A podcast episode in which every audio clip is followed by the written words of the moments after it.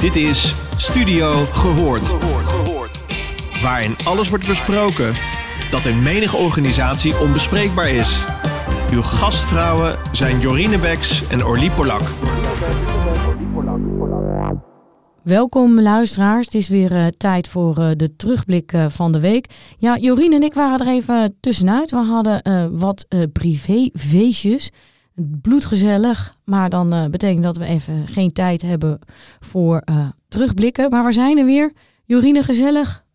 Ja, hartstikke gezellig. En nu weer lekker inspirerend in het, ja, wat maak je elke dag zo al mee? En wat hebben we nodig, hè? In de wereld, om het lekker groot te zeggen. Ja, precies. En we hadden eigenlijk best wel een leuk thema deze week. We hebben het over de relatie deze week gehad van vrouwelijk leiderschap in verband met wat Amy Edmondson noemt in haar boek Teaming uh, inclusief leiderschap. En Amy Edmondson uh, die, die schrijft daarover, die zegt inclusief leiderschap heb je nodig om een lerende organisatie te creëren. Ja, de vraag is natuurlijk, wat is dat inclusieve leiderschap? En zit daar een relatie mee met vrouwelijk leiderschap? En daar willen we vandaag eens een beetje met elkaar over filosoferen. Toch, Jorine? Ik, wat ik interessant vind, is dat uh, zij schrijft in haar boek dat uh, inclusief leiderschap uh, zorgt dat mensen bij elkaar komen, ongeacht de plek waar ze zitten, de expertise die ze hebben of de status die ze hebben. Um, en dat je elkaar dus dan gelijkwaardig en op psychologisch veilig niveau met elkaar kan samenwerken. Nou, ze noemen meteen eigenlijk al twee dingen die best wel lastig zijn. Hè?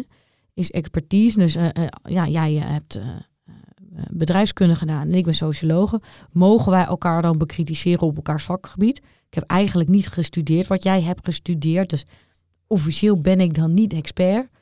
En stel dat ik nou voor jou werk en jij bent mijn leidinggevende. En jij zegt, nou Orly, ik denk dat we meer focus moeten leggen op uh, feminine eigenschappen in leiderschap. En ik zeg, nou, feminien, feminien, masculien. Ik weet nog niet of dat zo echt bestaat. Dat jij zegt, nou dat bestaat wel. En daarmee is dan de discussie klaar, zeg maar. Dus het lijkt me al heel lastig. En de vraag is natuurlijk, doen vrouwen dit dan wezenlijk beter dan mannen? Want dat is een beetje de premisse. Hè? Als we het hebben over vrouwelijk leiderschap en mannelijk leiderschap, lijkt het erop dat de mensen die daarover schrijven en over praten, dat vrouwen meer verbindend zijn dan mannen. Dat vrouwen meer uh, van de harmonie zijn. Dat vrouwen meer rekening houden met context dan mannen. En de vraag is, is dat zo? Of hebben we het eigenlijk over gewoon eigenschappen die niet zozeer toebedeeld zijn aan een vrouw of aan een man, maar gewoon eigenschappen waarvan we nu denken, nou, die zou wel grensoverschrijdend kunnen zijn. Die zou die, die verschillen die we hebben in teams dusdanig klein kunnen maken dat we in ieder geval op gelijkwaardig niveau met elkaar kunnen samenwerken en elkaar ook heel erg waarderen en respecteren vanuit ons eigen vakmenschap of vakman of vrouwschap. Maar dat wilde ik ook eens even aan jou uh, vragen. Wat, wat, wat denk jij? Nou ja, ik, het is een mooie vraag. Um, ik denk dat de een makkelijker bepaalde grensoverschrijdend in de positieve zin gedrag kan stimuleren, in dit geval, dan, uh, dan de ander. En ik denk ook dat bepaalde eigenschappen door al die ja-haren hè, als vrouw zo zich ontwikkeld te hebben en de verwachting van de maatschappij, dat dan ook makkelijker gaat. Maar ook dus de verwachting van die ander, de verwachting van jezelf.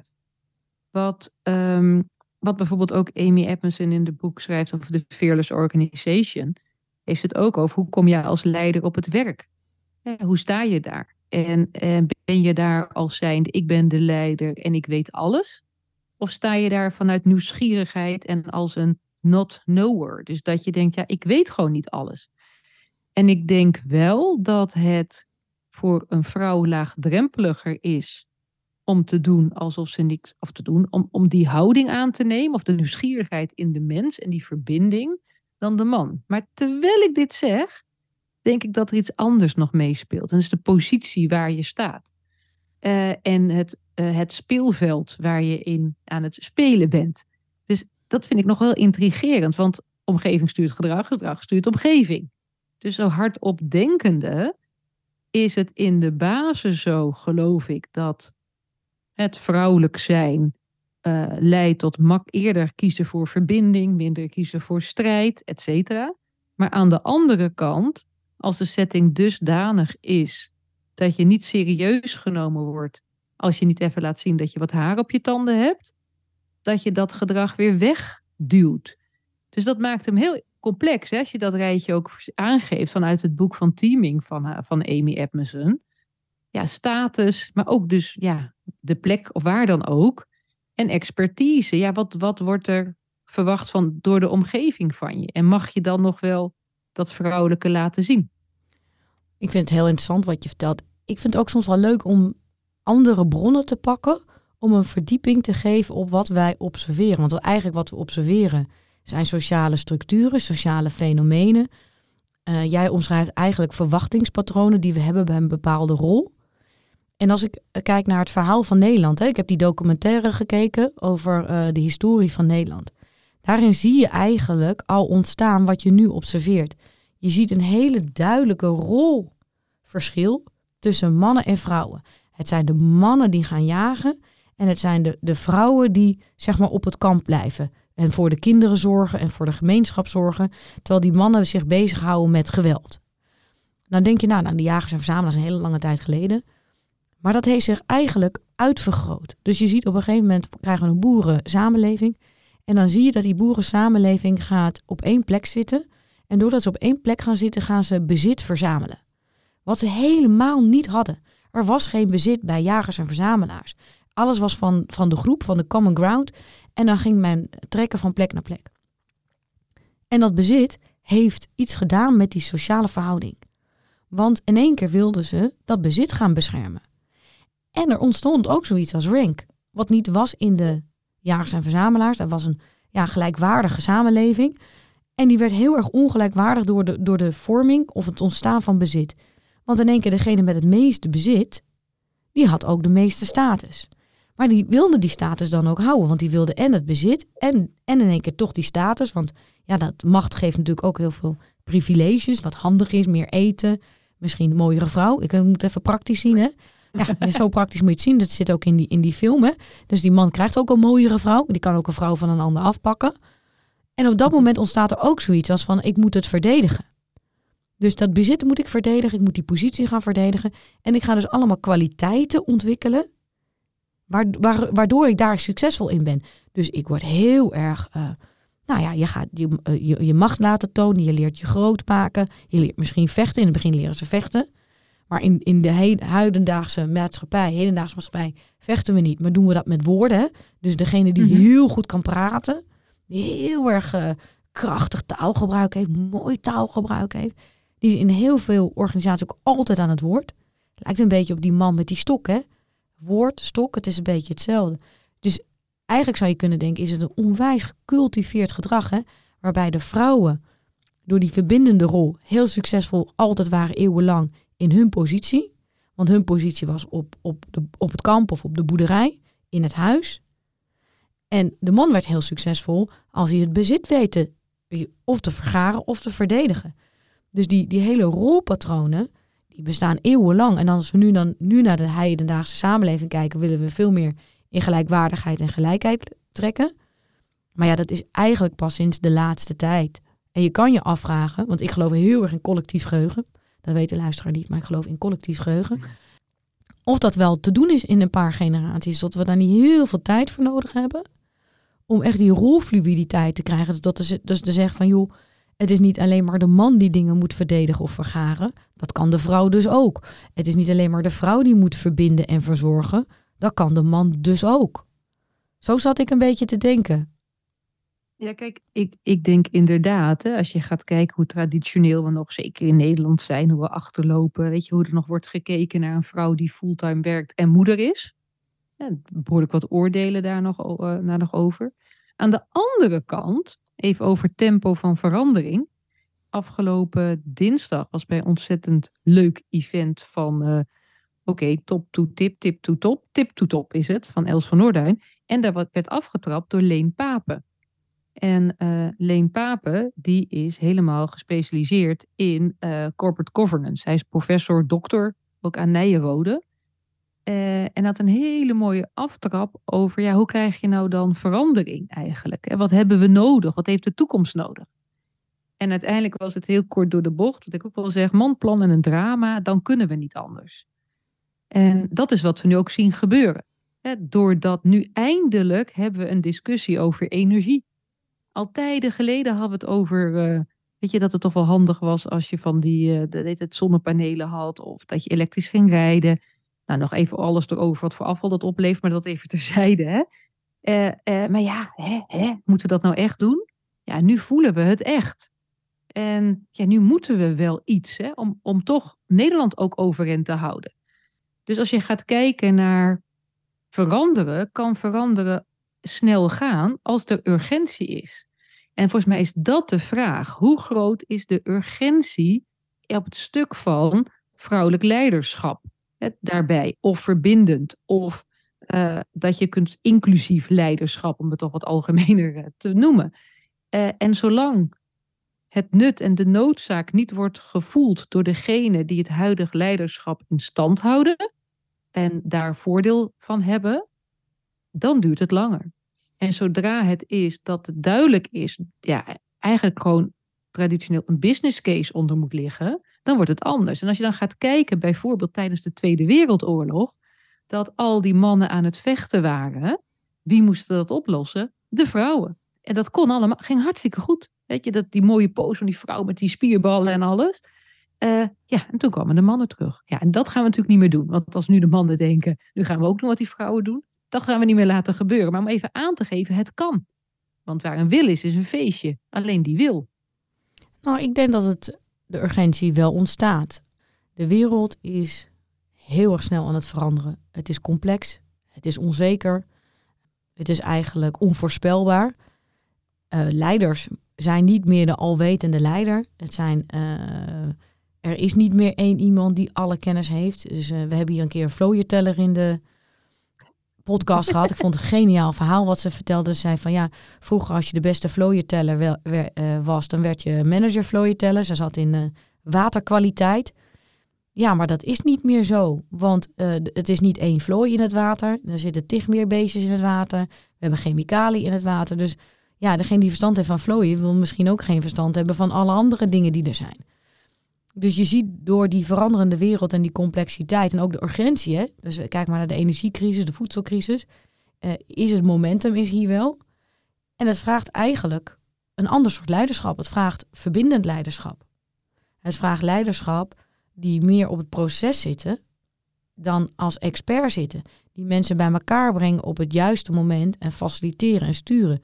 Dat denk ik. En als vrouwen daar op dit moment beter in zijn dan mannen, dan zie ik veel carrière mogelijkheden voor vrouwen nu. Uh, maar het is iets ook wat, denk ik, iedereen zou gaan aanleren, denk ik, in de toekomst. Ja, dat is het hem. Hè? Afgelopen week uh, in een ziekenhuis was ik, uh, had ik een mooie inspiratiesessie met een hele mooie groep internisten waarbij ook heel wat mannen. En uh, nou, die steekt gewoon van wal, ja, het is toch allemaal wat. En ik mag helemaal geen moeten meer zeggen. Jij moet dit, mag ik niet zeggen naar een verpleegkundige, want ik trekken zal niet, dan maak ik het onveilig. En uh, arts in opleiding, ja, als ik die een zes geef, begint hij te huilen. En nou, dat ging maar door. En zei ik ook, ja, weet je, de wereld is veranderd. Hè? Wat vandaag is, is anders dan gisteren. Ik sprak iemand en die zei: Ja, weet je, Raad van Commissarissen, wat is dat voor gedoe met die quotum? Ja, uh, ik kan niet eens meer de functie ambiëren, want ze kiezen voor een vrouw. Ja, weet je, de wereld is anders. Weet je, 50 jaar heb je voordeel gehad. Het is voorbij, het is anders. Um, ik sprak iemand deze week, een uh, CEO. En die zei: Ja, de jeugd van tegenwoordig die weet niet meer wat werken is. Uh, waarom ik dit voor, deze voorbeelden aangeef, is: dit zijn voorbeelden dat de wereld is veranderd het is anders. Mensen zijn anders. Uh, de mensen die nou op de arbeidsmarkt komen, hebben een hele andere verwachting. Um, Shell heeft een probleem. Ja, dat, dat, dat uiteindelijk dat mensen niet meer willen werken bij Shell, de nieuwe jeugd. Want die willen niet geassocieerd worden. Toen ik die leeftijd had, was het echt nog cool om bij Shell te werken. Dat was stoer. Is niet meer zo. De wereld is veranderd. Dus wat jij zegt klopt, hè? Dus de wereld draait zo nu dat we, dat we dus eigenlijk iedereen ook één op één wel een soort drama gaat voelen van die verandering. En dan is het de kunst, wie loopt er voorop, wie gaat voor in die verandering. En hoe groter natuurlijk de groep die blijft hangen in het feit, ik mag niet meer moeten zeggen, eh, de jeugd van tegenwoordig, vrouwen, En dat is een soort anker die blijft hangen of een enorme blok aan ons been. En uh, dus ik ben het met jou eens. De wereld verandert. We hebben nieuw leiderschap nodig. Um, en ik denk ook echt dat de vrouwen daarin voor hebben te gaan. Hè? Om een ander voorbeeld te geven. En niet alleen voor ons, voor als vrouw, of, maar ook voor al de generaties man of vrouw die komen. Om te laten zien, het kan anders. Kijk, dit is het bewijs. Zo kan het ook. En uh, alleen ja, dat de tempo daarvan en of iedereen dat wil, ja, dat vond ik deze week wat ik allemaal heb meegemaakt. Dat ik dacht, oké, het is nog wel wat te doen. Ik had deze week een leuk voorbeeld uh, van een bedrijf en een bestuurder die uh, een andere manier van leiderschap hebben. Die hebben een, uh, een HRO-cultuur zijn die aan het ontwikkelen en vieren dit jaar hun uh, vijfde lustrumjaar. En ik sprak met een bestuurder en die zei, weet je waar het allemaal om draait? Je moet sturen vanuit de bedoeling. En mensen moeten achter de bedoeling staan en geloven in de bedoeling. En dan moet je mensen soms ook de ruimte geven om oplossingen te verzinnen in het licht van die bedoeling. En soms gaat dat snel, dan kan je tempo maken. En soms gaat dat helemaal niet snel. En dan moet je als bestuurder stoppen met rossen en rammen. En dan moet je de organisatie en de mensen de tijd geven om het te kunnen doen vanuit de bedoeling. Dat betekent dat je moet onthaasten. Ja, en dat betekent soms dat je in een jaar niet je KPI's haalt. Dat betekent dat. Maar dat betekent wel dat je samen elke dag een stap vooruit komt om de organisatie te vormen in het licht wat je samen in gelooft. En dat betekent ook wat voor bestuurders. Want bestuurders willen vaak nu resultaat. Die hebben namelijk een jaarplan en een kalender. En die hebben dat vertaald naar mooie stappen en, en, en de milestones naar uh, KPI's. Die gaan sturen, want daar worden ze ook door aandeelhouders op afgerekend. En dan moet je soms al stevig in je bestuurderschoentje staan om te zeggen, ja, maar dit was de bedoeling. We zijn aan het werken aan de bedoeling. Maar dit jaar gaat dat nog niet gerealiseerd worden. We hebben nog wat ja. meer tijd nodig. Dat, eh, wat hij zegt is dat het effect wat je daarmee hebt op de organisatie, dat onthaasten, dat niet meer rossen en rammen en niet meer doorduwen naar resultaat, dat dat zorgt dat mensen meer vertrouwen krijgen. Dat mensen meer ruimte krijgen en meer het gevoel hebben dat ze met hun vakmanschap kunnen bijdragen. Dat ze gewoon, gewoon die plek krijgen en dat het niet per se nu nu af moet. Maar als het af is, dat je dan kan werken in one-time right. En dat je voor die one-time right even tijd nodig hebt om met elkaar eens te kijken, oké, hoe gaan we dat dan doen? Uh, bij Danone, ik weet niet of het nu nog zo is, daar hadden ze echt op het allerhoogste bestuursniveau, direct als een besluit moest worden genomen, dan is er ook een lege stoel. En die lege stoel die visualiseert de volgende generaties. En op het moment dat er een keus wordt gemaakt, dan toetsen ze wat zou de volgende generatie daarvan vinden of de generatie daarna. En uh, dus dan is het over de bedoeling. Dat gaat ook over hoe ver kijk je. En we kijken zo korte termijn. Hè. Op de korte termijn kun je, hoef je nog niet, weet ik wat, elektrisch te rijden. Want dat komt daarna wel. Op de korte termijn kan een keus nog wel even roken. Doe ik niet meer, by the way. Want ja, weet je, nu heb ik er niet direct last van. Op de korte termijn, korte termijn. We zijn zo gericht op korte termijn. En uh, terwijl uiteindelijk, ook als je gaat kijken naar doelen stellen, bijvoorbeeld in Japan, dat is 100 jaar, hè? 100 jaar vooruitkijken. En daarmee breng je eigenlijk wat jij zegt ook een heel ander perspectief de organisatie in. En dan krijg je dus ook dat we dit jaar niet halen, wil niet zeggen dat we het niet over 100 jaar halen. En dan niet in de vertraging, maar we hebben tijd. We hebben tijd om bewust na te denken. We, zitten, we zijn met elkaar op reis. En we zijn niet met elkaar bezig met een slot van een jaar en dan zien we wel. We hebben een horizon.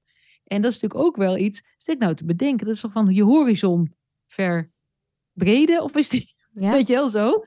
Ja, verleggen. Ver, verbreden. Ja, verleggen. Ja. ja, verbreden, verleggen. Dan moet je dus ook verder kijken. En, uh, en, en voordat je ook dacht, dacht ook, lijkt wel heel pessimistisch met hè, hoe zit het nou, mensen, hoe hangen mensen nog in? Juist jouw voorbeeld wat je geeft, dat positieve. Wat ik zei ook over inspirerende woorden van Leen Papen. Dat ik denk, het, het is er, het is er al. En is, zou het niet mooi wezen om nog meer dat wat er al is, uh, samen te brengen in een positieve beweging. En is er ook wel her en der, maar die soms ook misschien wel uh, een tikkie extremistisch her en der bedoel ik, als extreem qua kant. Hè? Uh, zo las ik ook over het goede initiatief van een of andere uh, muziekband, die ook echt allemaal zijn best doet om te zorgen dat de footprint zo klein mogelijk is. Dus niet meer door heel Europa concerten, maar op één plek waar je dan naartoe komt. En dan moeten de toeschouwers misschien wel reizen, maar daardoor is er weer minder, nou in ieder geval minder beweging daar ze naar kijken. En dat de mensen die dansen, die, die met hun dansen, creëren ze energie, gewoon letterlijk ook energie. En daarvan wordt dan dus ook het hele gebeuren verlicht, et cetera. En als je nog hoort wat een kritiek zij over zich heen krijgen, dat het nog niet goed genoeg is en dat ze toch nog in een vliegtuig zitten. Ik denk dat we daar ook heel goed in zijn. Om wat goed gaat niet groter te maken, zolang het niet perfect is. En dat we denken door te provoceren en nog dwarser te gaan of groter anders te denken, dat dat stimuleert. En ik denk misschien wel nu dat de grootst mogelijke kleine stap die je zet in de goede richting het vieren waard is. En dat je die bij die ander juist ook met applaus moet ontvangen. En dat je dan, wat jij ook zegt, vanuit die positieve bekrachtiging zorgt dat die beweging bestendigt. Daar ben ik helemaal met je eens. Want dat is ook precies wat Amy Edmondson zegt en Carol Dweck. Het is de weg er naartoe. En uh, het gaat om werken vanuit de bedoeling. Als je je helemaal focust op perfect, ben je niet een lerende organisatie. Want dan is een fout, is een doemscenario onacceptabel en leidt direct tot gezichtsverlies. En het in kleine stapjes doen zorgt ook dat meer mensen aangehaakt blijven, die mee mogen blijven doen, mee aangehaakt blijven. En het zorgt ook dat je onderweg dus fouten mag maken, dat je een keer vooruit mag, een keertje stapje achteruit, weer stapje vooruit. En dat is waar we naartoe willen, naar die, naar die lerende organisatie. En niet naar uh, ja, gewoon een waanidee van het moet allemaal nu perfect en het moet nu ook af. Maar dat kan niet. Nee, nee, nee dat, dat gaat niet. Dus, het is, volgens mij is, is het als je zo gaat met hardop denkende, het, we hebben het nodig, het is er, we kunnen het dus al. Um, en ik denk ook dat het heel veel um, lucht gaat geven, lichtheid, hè? ook uh, ruimte om, om als mens te mogen zijn. En dat is uiteindelijk natuurlijk ook inclusief leiderschap. Je, dat, dat die ruimte er ook is. Dat je, dat, dat je die bijdrage kan leveren in het tempo wat bij jou past of het moment. En dat je zo ook uh, over je eigen grens heen kunt kijken. Of de grens waarvan je denkt dat jouw grens is. Of de grens van de ander. Waar begint de ander, waar begin ik? Het vakgebied wat je, waar je mee begon ook. Hè? Mag je elkaar daarin uitdagen of vragen stellen? En ben je nieuwsgierig naar juist iemand die die oogkleppen niet op heeft, wat die voor vragen stelt? En dat is natuurlijk ook uit de ervaring zelf van Amy Edmondson, waar ze terecht is gekomen. Dat ze juist in een heel diverse vakgroep terecht is gekomen, waar ze juist allemaal mensen tegenkwam waar ze niks van wist. Dus ja, weet je, dat ze heeft ook wel uit ervaring geschreven, vermoed ik zo. Dat denk ik ook namelijk. Um, ga je wat leuks doen het weekend? Volgens mij heb je feestje. Ik heb een feestje. Het taart is al klaar. Helemaal in de vorm van een pompoen. Want dat was toch wel de beste, beste optie. En we gaan uit eten. En we gaan nog meer taart eten. En uh, ja, dat is echt één grote feestelijkheid. En jij? Ja, ik heb ook feestjes. Ja, ik heb altijd een jongetje dat bij mij komt spelen. Kindje drie. En uh, de, die heeft ook een feestje het weekend. Dus uh, daar wordt ook taart gegeten, ballonnen opgehangen. dus het is alleen maar, alleen maar gezelligheid. En zondag natuurlijk. En je gaat wel voor mijn duimen, toch? Ik, ik duim altijd. Ja, heel goed. Anders. Ik, ja, ja, ik duim, ik duim wat af. Ja. Veel plezier daarmee. En ik, ja, nogmaals, het zal niet aan mij liggen als iets misgaat. mij ook niet, want ik, ik juich voor de goede club. hey, ontzettend dankjewel. Fijn weekend. En uh, tot volgende week. Doei. Doei. Je luisterde naar Studio Gehoord. Vond je dit een leuke podcast? Laat dan een review achter bij jouw favoriete podcastplatform. Tot de volgende!